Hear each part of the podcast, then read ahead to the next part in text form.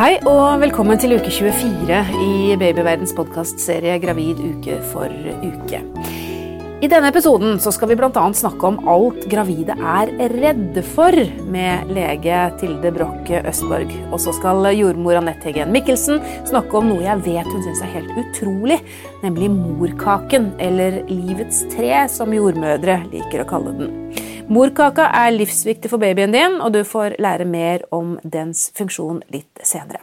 Jeg heter Karine Næss Frafjord, jeg er redaktør i Babyverden, og um, ved min side sitter du Tilde, som alltid. Eh, og nå skal vi snakke om uke 24, babyen nå. Um, vi lærte i forrige episode, uke 23, at den er levedyktig hvis den skulle bli født for tidlig. Eh, men hvordan har utviklingen da vært eh, i den uka som har gått? Jo, vokser altså stadig videre. Nå er vi oppe i ca. 680 gram og eh, rundt 29 cm. Eh, og fosteret modnes stadig, og eh, det hører jo alt som skjer der inne. Mange tenker jo at det er stille inne i livmoren. Men fosteret ligger altså og hører på lyden av eh, tarmene dine, liksom klukklyder. Okay. Og så hører det, hører det, lyden av uh, pulsen din, altså hjerteslagene dine. For de ligger rett mot hovedpulsåren, så hører sannsynligvis noe sånn lyd. Det er ikke stille der inne, rett og slett? Jeg har av og til tenkt at det kan, eller jeg hadde en kollega som nevnte det, tror jeg, at uh, kanskje det er derfor vi sier sånn oh, ja. Til altså at vi lager lager livmorlyder til eh, barn etter at de er født. For å roe dem. Men hører de stemmene våre utenfor magen også? Så tidlig? Det gjør det, eh, men det er klart at de hører det nok helt annerledes eh, enn vi gjør. Fordi vi snakker jo med hverandre gjennom luft, ja. mens dette barnet ligger jo i vann. Så det kan være litt sånn samme lydbilde kanskje, som når du har, ligger nede i et basseng og hører folk snakke på land. Akkurat. Men stemningene kan de kanskje fange opp, da? Ja, det vil jeg tro. God stemning eller dårlig stemning i heimen? God stemning eller dårlig stemning. Kanskje fanger de opp, um, kanskje de fanger opp uh, at du synger, eller at du ler. Um, de, vil, de, de, vugges jo også av at vi beveger oss. At de, balanseorganet er nå på plass, så det vil kunne kjenne at det vugger. Spennende. Mye som skjer, eh, både med babyen, men også med, med, gravide. Og I denne episoden så har vi lyst til å snakke om alt gravide er redde for. Fordi det er jo ikke til å stikke under en stol at det er mye bekymring ute og går hos gravide.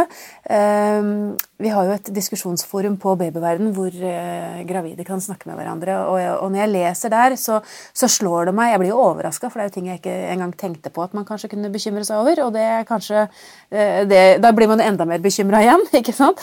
Um, så jeg tenker du som lege òg får kanskje mange spørsmål om alt fra Er det trygt å farge håret, f.eks.? Det, det er et spørsmål jeg har lest ofte. Mange lurer på det. Um, og, og, det bunner jo i at uh, gravide og mødre de er jo redde for å gjøre noe feil. Redde for å skade barna sine. De er det. Og um, nå er det nok uh, sånn at uh, altså, Vi vet at angst, angstlidelser forekommer jo i befolkningen ellers også. Um, og at mange kan bekymre seg for ting. Men for en del kvinner så har det kanskje ikke vært så uttalt før, men hos mange så blir det bekymringer i svangerskapet. Og de kan gjerne ha veldig sånn spesifikke bekymringer. altså er, eh, noen bekymrer seg spesifikt for dette med hårfarge f.eks. Eller andre blir veldig veldig opptatt av at de ikke skal få i seg noe feil mat. eller ja. Så har du noen som blir bekymret for veldig mange ting. veldig mange ting.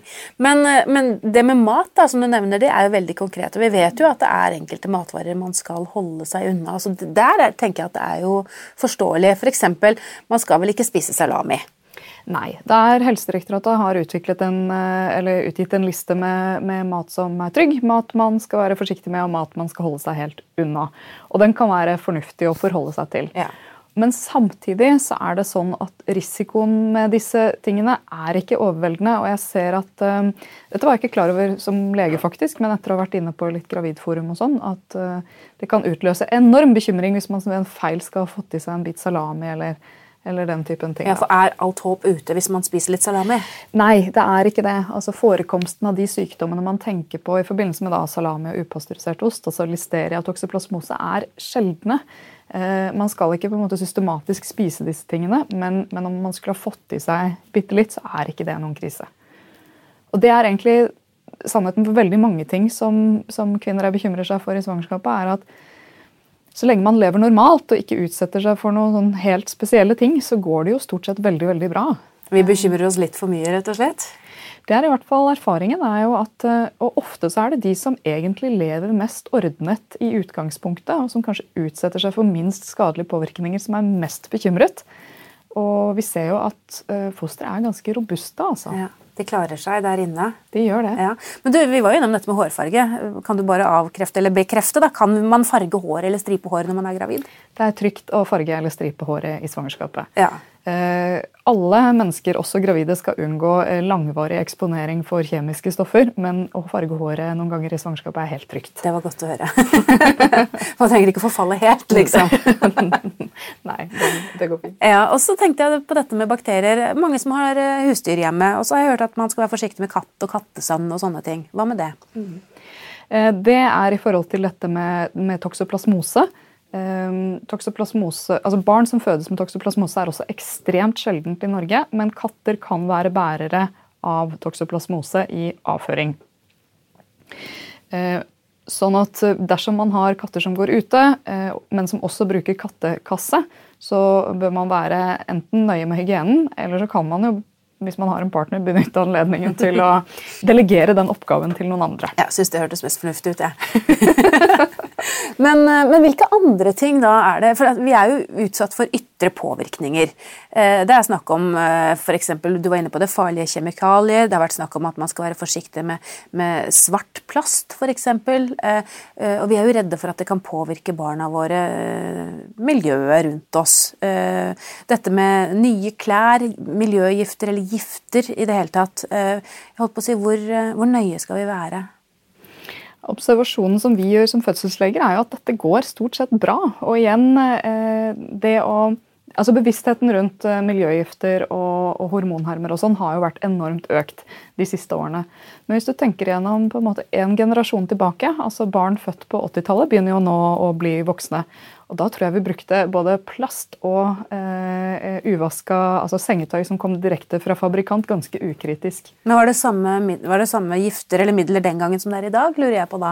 Jeg tror at det har blitt mye strengere. Ja, så det var verre den gangen? Jeg tenker også det. Og så ja. har det gått bra med de barna. da. Ja, ikke sant? Mm. Altså Jeg bagatelliserer ikke på noen som helst måte at man kan bli eh, bekymret i svangerskapet. Og det er klart at det å være bevisst på, på livsstil, men da særlig liksom unngå røyk unngå å uh, altså Disse helt grunnleggende tingene alkohol. er viktig. Røyk, alkohol, altså disse tingene. Ja. Men utover det, så det å tilstrebe å leve ganske normalt er nok det beste. Ja, Men så er det jo det, vi skal ikke underslå det, at det, man, man, lurer på ting, og man hører ting, og så stiller man spørsmål, og så er det det i forhold til kilder. ikke sant? Ukritisk tro på det man leser. Eh, eh, og det er vanskelig. Hvordan skal man vite eh, at det man leser, er korrekt? Det er et kjempegodt spørsmål. Og eh, vi ser jo at veldig mange har lest veldig mye rart eh, fra veldig rare kilder. Og det er klart at hvis man ikke vet noe om den kilden man henter informasjon fra, så bør man nok heller ikke stole på den. Helsedirektoratet sine råd er solide, vitenskapelig basert og trygge å følge. Er man spesielt bekymret for noe, så ta det opp med jordmor eller lege for å få et ordentlig svar. Eh, jeg var egentlig ikke klar over det før jeg gikk inn på en del av disse forumene. Eh, og en del, en del forum på nett er jo helt uredigert. altså Hvem som helst spør, mm. og hvem som helst svarer. Og kvaliteten på svarene er, er deretter. Så det å ukritisk stole på hva som sies i forum, ville jeg i hvert fall vært forsiktig med. Ja, Nei, det, var et, eh, det var et godt råd, men, og, og, da må jeg bare si for egen del at Babyverdens forum eh, også er uredigert, men vi har heldigvis moderatorer som, som, følger med. Og skulle det være helt for gærent, så, så, fjerner vi det som står der. Men uansett, det å ha en kritisk sans, det er viktig. Og så oppsummeringen din da, til det om at eh, det stort sett går bra, den er jo veldig god å ta med seg. Jeg håper det, i hvert fall. Ser, vår observasjon er i hvert fall at det stort sett går veldig bra. Ja. Vi skal snakke med takk til deg, eh, Tilde Broch Østborg, som er vår faste lege her i Gravid uke for uke. Etter eh, en liten pause nå så skal vi snakke med jordmor Anette Heggen Mikkelsen om den spennende morkaka.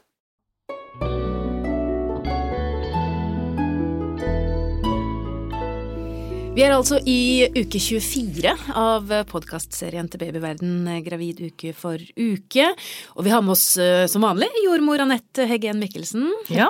Ja, og, og i denne episoden så skal vi snakke om noe som jeg vet dere jordmødre er veldig opptatt av, og det er jo morkaka. Ja. Og det er jo sånn at i logoen til Jordmorforeningen så, så har man et tre. Livets tre. Livets tre, Ja. Mm. Og det symboliserer vel morkaka, gjør det ikke det? Jo da, det gjør nok det også. Eh, Det er sikkert eh, en litt dobbel funksjon i forhold til at man eh, tenker seg liksom at bladene og grenene strekker seg opp mot himmelen og røttene er nede i jorda. Altså den derre dobbeltheten i forhold til å være jordmor og livet som sådan, kanskje. Ja. Sånn som jeg har tenkt meg det, i hvert fall. Men eh, vi som jordmødre er vel kanskje overvettet så i overkant litt eh, mer enn vanlig opptatt av morkaka, kanskje. Hvor, hvorfor det? ja, det kan du si. Jeg vet jo i hvert fall at eh, i min begeistring til tider når jeg har lyst til å vise fram denne morkaka når barna har kommet ut, da. Mm. Og så kommer jo barnet først, så klart, og så etter en stund, altså en 10-20 minutter eller noe sånn der omkring, så kommer jo morkaka ut av seg sjøl vanligvis, da. Og så pleier jo jeg si til både mor og, og partnere at eh, har dere lyst til å se på morkaka? Se her, så fin den er! Ja. Og da eh, har jeg nok sett at det er en del, eh, kanskje spesielt partneren, altså mammaen har vel vent seg til på en måte, kanskje, mens eh, den, eh, den som er med i fødselen kanskje syns at eh, oi, dette var jo litt overvettes tør jeg dette da, og uff a meg, åssen er det den ser ut egentlig, og er det ikke mye blod, og ser den ikke litt ekkel ut, Ser ut som en blodig biff, ja. gjør det ikke ja, det? Ja, noe sånt? Ja, ja. Uh, Så hvorfor driver vi med det, kan du si? Ja, hvorfor det? For jeg husker jo min jordmor, eller mine jordmødre, også sa det at se så flott, se for en fantastisk morkake, og, og holdt den opp. Og jeg ble så overrasket over at den var så stor. Ja, det er den jo. Den veier jo ganske mye, altså sånn en halv kilo eller der omkring Ja. kan den gjøre. Og så, ja, altså vi som jordmødre er jo interessert i den, for den forteller jo noe om hvordan barna har hatt det inni magen. Ja, kan Altså, dere se det med det ja, øyet? Vi ser at hvis morkaka ser sunn og frisk ut, for å ta kortvarianten, Mm. at det ikke er noen sånne infarkter eller altså det ser ut som det har vært god blodsirkulasjon inni i morkaka, og navlesnora ser helt fin ut, og at det er antall riktige blodårer i navlesnora, og, og um, at den er passe stor, og at det er denne posen som vi kaller hinnene, at den posen som barnet ligger, har ligget inni, at den er hel og fin og så videre sånn, så tyder det på at babyen har hatt det bra. Så det er et tegn på at denne ungen har hatt det bra inn i mors liv. Så det er derfor vi er så opptatt av det. Ja. Men, men det er klart at den ser jo spesielt ut, og det er jo store, svære blodårer som er på, på flaten til morkaka som, som eh, ser kanskje ut som et tre, da. Mm. Du, Hvis vi går litt holdt på å si, tilbake inn i magen. Eh, Mm. når babyen ligger inni magen, eh, så er eh, morkaka der Bare forklar hvordan det ser ut inni der. Hvor er morkaka Ja. i forhold til babyen? Liksom? Ja, morkaka er jo festa inn til livmorveggen. Eh, Den ene siden er festet inn til livmorveggen, eh, og den andre siden vender ut mot barnet, kan du si. Og på den siden hvor det som vender ut mot barnet, der er jo navlesnora.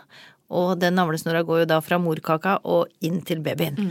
Og så ligger babyen inni en pose med vann rundt da, dette fostervannet. Så den svever jo inne i fostervannet i denne bobla si, festa til navlesnora, som igjen er festa til morkaka. Så det er kort fortalt, da, uten at vi skal bli for tekniske, så er det Ja. morkaka som gir barnet næring. Ja, og det er Altså, uten morkaka så klarer jo ikke At den morkaka fungerer bra, er veldig viktig. For hvis den begynner å fungere dårlig, så skrantes det jo også i forhold til Da får babyen det dårlig òg, for å si det sånn. Og det kan dessverre skje. Ja, fra tid til annen så skjer det, så derfor så vil man jo for eksempel når man kommer til det som heter overtidsvurdering, altså vurdere hvordan babyen har det inni magen her, eh, det skal vi jo ta etter hvert, men da er det jo noe å se Noe av det man gjør da, er å sjekke morkakas funksjon, og se at det er god sirkulasjon i navlesnora og sånn, for å sjekke at eh, morkaka fortsatt gir eh, bra med næring og oksygen til babyen. Og så vet jeg at det er mange som er litt overrasket, som du sa, morkaka kommer ut, men ofte så må man jo faktisk føde den. Ja da, eh, det må man jo, men det er klart at morkaka den er jo, for den som ikke har sett noen morkake før, så kan du si at den er jo veldig myk da. Den er, det er jo ikke noe hardt i den morkaka. Så den er jo litt tung kanskje, og litt sånn besværlig å få ut på den måten at det er et veldig press, gjerne, når morkaka løsner og, og den kommer ut gjennom skjeden etter at barna har kommet ut. Men, men jeg, jeg, tror vel ikke at eh, så mange opplever at det er så veldig vondt. Mer enn en slags lettelse. Oi, der kom den, ja. Å, det var deilig. Ja.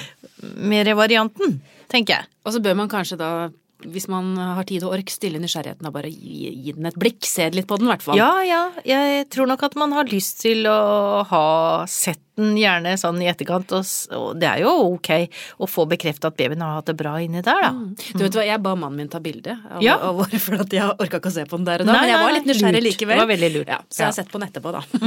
ja, ja. Men eh, jeg må fortelle deg, en av de mest leste artiklene vi har på Babyen, er en artikkel som handler om eh, litt sånn myter rundt morkake. Blant annet mm. dette at det, det er jo noen som faktisk spiser sin Sjelden, egen morkake. Ja, jeg vet det er sjeldent, altså, og jeg tror ikke det skjer i Norge heller. Men, men det finnes faktisk noen som gjør det. Mm. Uh, noen som har graver den ned i hagen under et tre. Mm. som skal bringe Mm. Den har jeg sett mer, Ja, mer vanlig Ja. Og når jeg oftere. sier spiser morkake, så, så mener jeg å huske at jeg leste den artikkelen på BBR-en, at det handlet om at de hadde tørket den, altså, så det var sånn pulverform. Ja, ja. Ja. Så det, var, de tok ikke en god bit. Men, men, men det er, da, da, da tenker jeg det er mye eh, historier rundt, eller mye myter rundt, eller mye Ja. Jeg vet ikke, er det Ja da, det, det er vel gjerne det. Altså jeg tror i utgangspunktet at eh, vi ikke er som dyrene eller rovdyrene, altså eh, eller det er jo en del andre dyr også som spiser morkaka si. Men det er jo tatt i betraktning at eh, det er vel to årsaker til det. Det ene er at det er næring. Altså det er næring som dyret trenger for å få tilbake, å få tilbake den næringa til kroppen. Og det andre er at vedkommende dyr skal skjule spor, sånn at det ikke det oppdages for andre rovdyr, altså reinsdyr og elg og sånn, spiser vel morkaka, fordi at det ikke skal oppdages at det er blitt vært en fødsel her. Ja, det er logisk. Ja, men vi er jo ikke helt der, Nei. for å si det sånn. Så hvorfor er det noen som tenker Ja. at det er lykke, da? Eller bringer lykke Ja, jeg tror nok at det er en del myter rundt dette som går blant annet på det der at det er, det er næring, eller at det er deler av dette som er sunt å få tilbake til kroppen, for å si det sånn. Men jeg har også sett, som du nevner, at eh, det er, det er eh, noen som tenker at de vil tørke den og lage det om til i pulverform og ha det i små kapsler, da, som skal hjelpe for forskjellig type sykdom eller, eller være som et eh, hva skal vi si for noe, kosttilskudd på et vis. Eh, Da må vi være ganske raske med å si at dette vet vi ikke om virker. Nei, det vet vi ikke om virker, og jeg vet ikke helt hvordan det fungerer heller. Fordi Nei. at det er ganske sjelden det der. Men en annen ting som jeg har lyst til å si, som er kanskje mer vanlig og som vi ikke nevner så ofte, det er noe som heter lotusfødsel. Og, og det er rett og slett noen familier som ønsker at når barnet kommer ut, så skal man ikke klippe nålesnora, men man skal altså la morkaka komme ut i sin helhet og henge på babyen, hvis du forstår hva jeg mener. Sånn at det, barnet og, og eh, morkaka henger sammen helt til navlesnora gir etter og det løsner av seg selv. Altså at man har denne Pulseringen, er det det vi snakker om nå? Nei, egentlig så snakker Ja, det prøver vi jo hele tiden å få til. Ja. At det har slutta å pulsere når vi klipper over navlesnora for at barnet skal få med seg all, all blodet Ja. som er på den siden av morkaka som barnet bor, Ja, for å si det sånn. ja, ja. At det får med seg alt blodet sitt. Men det andre er altså at man rett og slett har denne i ukevis. Oi, det ukevis? Ja. Fordi at det, det er jo sånn at det naturlig så er det sånn at eh, hvis man ikke klipper navlesnora, så løsner det av seg selv. Ved, litt utenfor navlefestet så løsner denne navlesnora av seg selv etter en stund. Men ærlig talt praktisk. Man kan Nei, ikke gå rundt veldig og dra, upraktisk. man kan ikke dra Men- på men- denne Nei, morkaka. altså, men da har man en egen pose som man syr, og det, det tørker jo, og det lukter faktisk forholdsvis lite. For morkaka er jo veldig rein, sånn at det skal veldig mye til at det blir mye trøbbel sånn luktmessig og sånn. For morkaka den tørker, og man har det i denne posen. Men, men jeg tror nok at det, mange som har lest og ønsker seg såkalt lotusfødsel, oppdager jo at eh, det etter hvert er ganske upraktisk, som du sjøl nå nevner. Men skjer dette i Norge? Dette har jeg aldri hørt Ja, om. har du ikke det? Nei. du vet, eh, har man jobbet med hjemmefødsler, så Ja. har man jo opplevd mange ting. Og lotusfødsel er, som det heter da, eller som man kaller det, er en del av de eh, tingene som man fra tid til annen ser at folk ønsker. Du, Det var spennende. Det må jeg nesten slå opp, Ja. kjente jeg, for å lese mer om. Ja, Ja. Men det var interessant. Akkurat. Så, så da så, så, jo, Man vil ikke kutte forbindelsen mellom morkaka og barnet, da. Før det skjer naturlig av Før seg det skjer naturlig. At man tenker at dette er en sammenheng. At de skal henge sammen til det løsner av seg sjøl. Akkurat. Ja, Det var veldig fascinerende. Takk for eh, god opplysning om morkaka, jordmor Anette Heggen Mikkelsen. I eh, neste episode av eh, Gravid uke for uke har vi kommet fram til uke 25. Og da skal vi annet snakke om strekkmerker, eller skrekkmerker, som jeg vet at mange kaller det. Hvis du vil ha mer og troverdig informasjon om graviditet og småbarnstid, finner du mange tusen artikler på babyverden.no. Last gjerne ned appen vår Gravid og barn, så kan du følge din babys utvikling uke for uke, både før og etter fødsel. I appen finner du også artikler, morsomme verktøy, gode tilbud og selvfølgelig også alle podkastepisodene våre.